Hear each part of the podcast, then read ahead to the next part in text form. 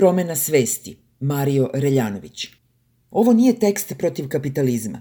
Ništa što napišem, nikakva argumentovana ili ostrašćena kritika ne može delovati onako pogubno kako kapitalizam ovih dana i nedelja deluje sam protiv sebe.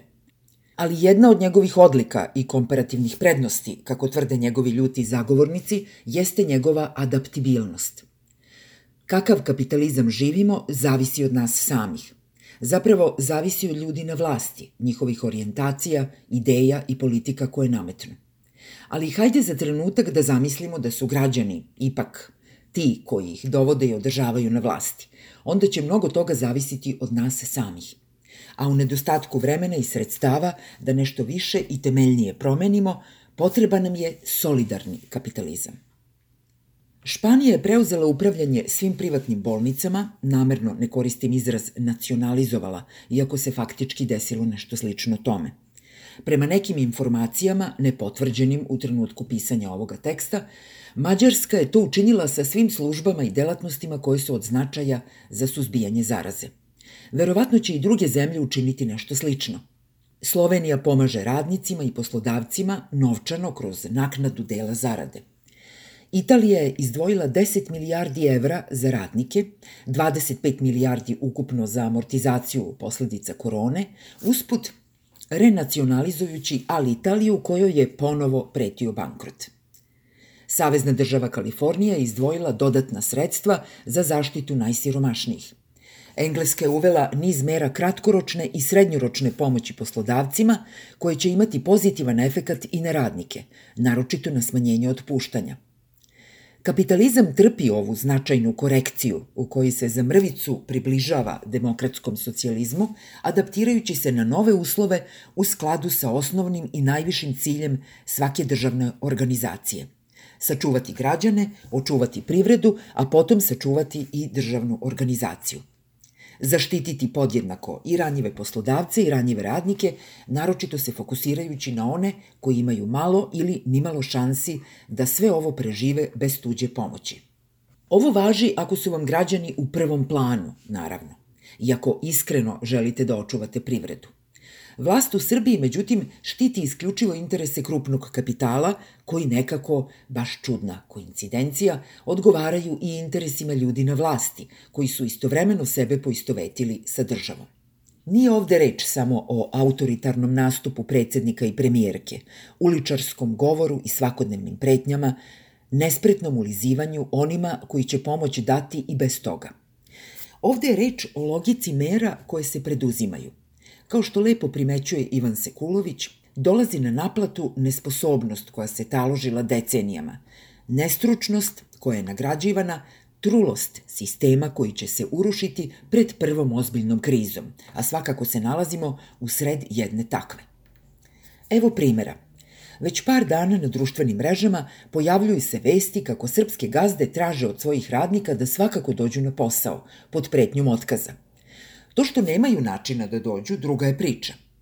Ukinuti javni prevoz od danas za sutra, kako se to dogodilo u petak popodne, makoliko ta mera sama po sebi bila opravdana, bez mogućnosti da se poslodavci unapred organizuju, bez pomoći države da organizuje poslodavce, ravno je pucanju u sobstvenu nogu. U subotu mnogi radnici nisu mogli da dođu na posao. Nije bilo hleba u mnogim prodavnicama – Ne zato što nam nedostaje brašna, nego zato što hleb neko pravi, prevozi, utovaruje i istovaruje, stavlja na rafove, naplaćuje kupcima. Mnogi od ljudi u ovom lancu su krenuli na posao nakon policijskog časa, ali nisu mogli da stignu. Neki pešačeći po mraku i polumraku i po desetak kilometara. I ko će biti odgovoran? Radnici, naravno. Gazde će pretiti, smanjivati i onako mizerne zarade, koristiti kašnjenje kao otkazni razlog. Time naravno država neće ništa dobiti, ni ovo neki nameran potez. Jednostavno je neinteligentan, kao i mnogi prethodni. Zbog manje radnika koji su se pojavili na poslu, velike prodavnice će primati manje kupaca, a mnogi će čekati u redovima ispred prodavnica, razmenjujući iskustva, brige i naravno viruse. Poslodavci neće biti pozvani na odgovornost, oni za naprasno ukidanje prevoza nisu ni odgovorni, ali neće se preispitivati ni zakonitost otkaza koje su uručili onima koji takođe nisu odgovorni. Gradska uprava grada Beograda uvela je sa dva dana zakašnjenja i samo organizovanje radnika, koridorske linije koje će značajno poboljšati mobilnost onih koji rade, ali će ih istovremeno staviti u rizične situacije velike i gužvi u prevozu. Nadajmo se da će biti dovoljno autobusa da se to ne dešava.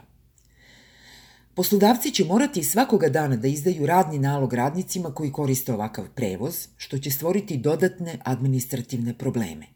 Još gore je čini se u mestima u kojima gradski prevoz nije oživeo u ovakvom novom konceptu. Privredna komora Srbije preuzela je zadatak da organizuje prevoz za poslodavce koji ga ne mogu sami organizovati za svoje radnike. Rezultat Privredna komora je objavila da poslodavci mogu koristiti usluge prevoza, naravno po tržišnim cenama. Nakon što su kupili Vesićeve markice za prevoz ili pretplatne karte nekog drugog prevoznika van Beograda, sada se od njih traži da još jednom imaju dodatne izdatke i dva puta plaćaju istu zakonsku obavezu. Nikakva podrška, posebno za one male i srednje poslodavce koji ovako nešto sebi ne mogu da priušte i koji će birati između obustavljanja rada i dodatnih troškova, pa će se verovatno pre odlučiti za ono drugo i ostaviti još radnika i porodica bez primanja. Predatorski kapitalizam se hrani na nesreći malih nerazvijenih država, isisavajući iz njih sve što može i obstruirajući jedan po jedan vitalan proces koji bi vodio ozdravljenju, sve dok država ne skonča. Svaka sličnost sa virusom u ovoj rečenici je namerna. Poltronstvo vlasti prema takvim poslodavcima je očigledno i kritikovano i u redovnom stanju.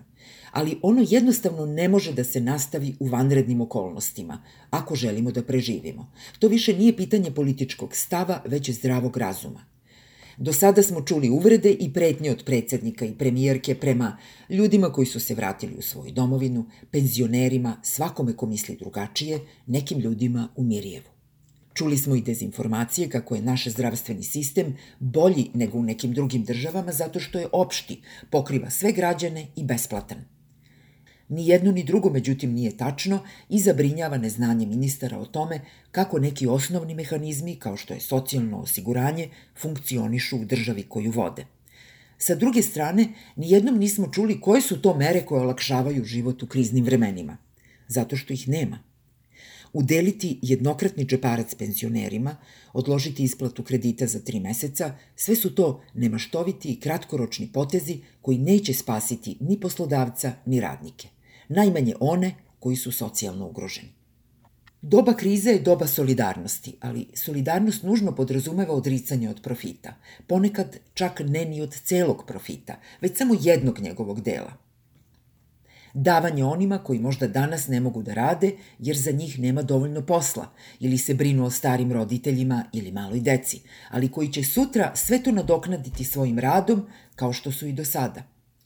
Solidarnost podrazumeva davanje i onima kojima društvo nije dalo šansu da rade, jer za njih i pre toga nije bilo posla ili nisu radno sposobni. Obezbediti svima osnovne uslove za život, ishranu i higijenu važno je u svakom trenutku ali je posebno važno u ovakvim uslovima, kada solidarnost pravi razliku između života i smrti. Nije Srbija jedina zemlja u kojoj se tako nešto dešava. Air Kanada je otpustila 5000 ljudi. Kanada, zemlja navodne socijaldemokratije, pala je na jednostavnom ispitu. Nema letova, nema posla i to je to. Kraj igre za radnike da bi poslodavac mogao da poživi još malo. Pitanje je, međutim, kome je potreban takav poslodavac i ko ima koristi od njegovog vegetiranja i parazitiranja narednih meseci.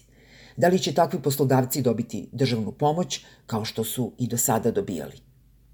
Druga priča dolazi iz Italije. U zemlji koja je katastrofalno pogođena medicinskom krizom, dva studenta su došla na ideju da se preko potrebni respiratori mogu brže popravljati ako se rezervni delovi štampaju na 3D štampačima – Genijalno, rekli biste. I jeste, ali su studenti umesto pohvala dobili tužbu proizvođača delova za kršenje prava intelektualne svojine.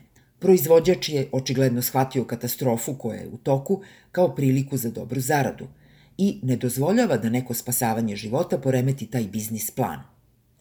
Takav kapitalizam nikome ne treba i ljudi će ga brzo odbaciti nakon što kriza prođe – ako im se uopšte bude dala prilika da se izjasne o tome šta misle o sistemu u kojem bogati postaju bogatiji na račun umirućih ljudi. Ova godina će biti godina koju je pojela korona, kako god da se završi i koliko god da pandemija traje. I niko neće vlastima prebacivati zašto nije postignut predviđeni rast, zašto smo upali u recesiju. Stanje privrede je veoma važno i te brojke su inače veoma važne. Ali ne danas, ni sutra, ni za mesec ili godinu dana. Sada je važno preživeti, spasiti maksimalan broj života i pružiti koliko toliko podjednaku šansu svima da dobiju makar osnovne uslove za život u trenucima kada su šeme i načini preživljavanja koje su do sada poznavali nestali preko noći.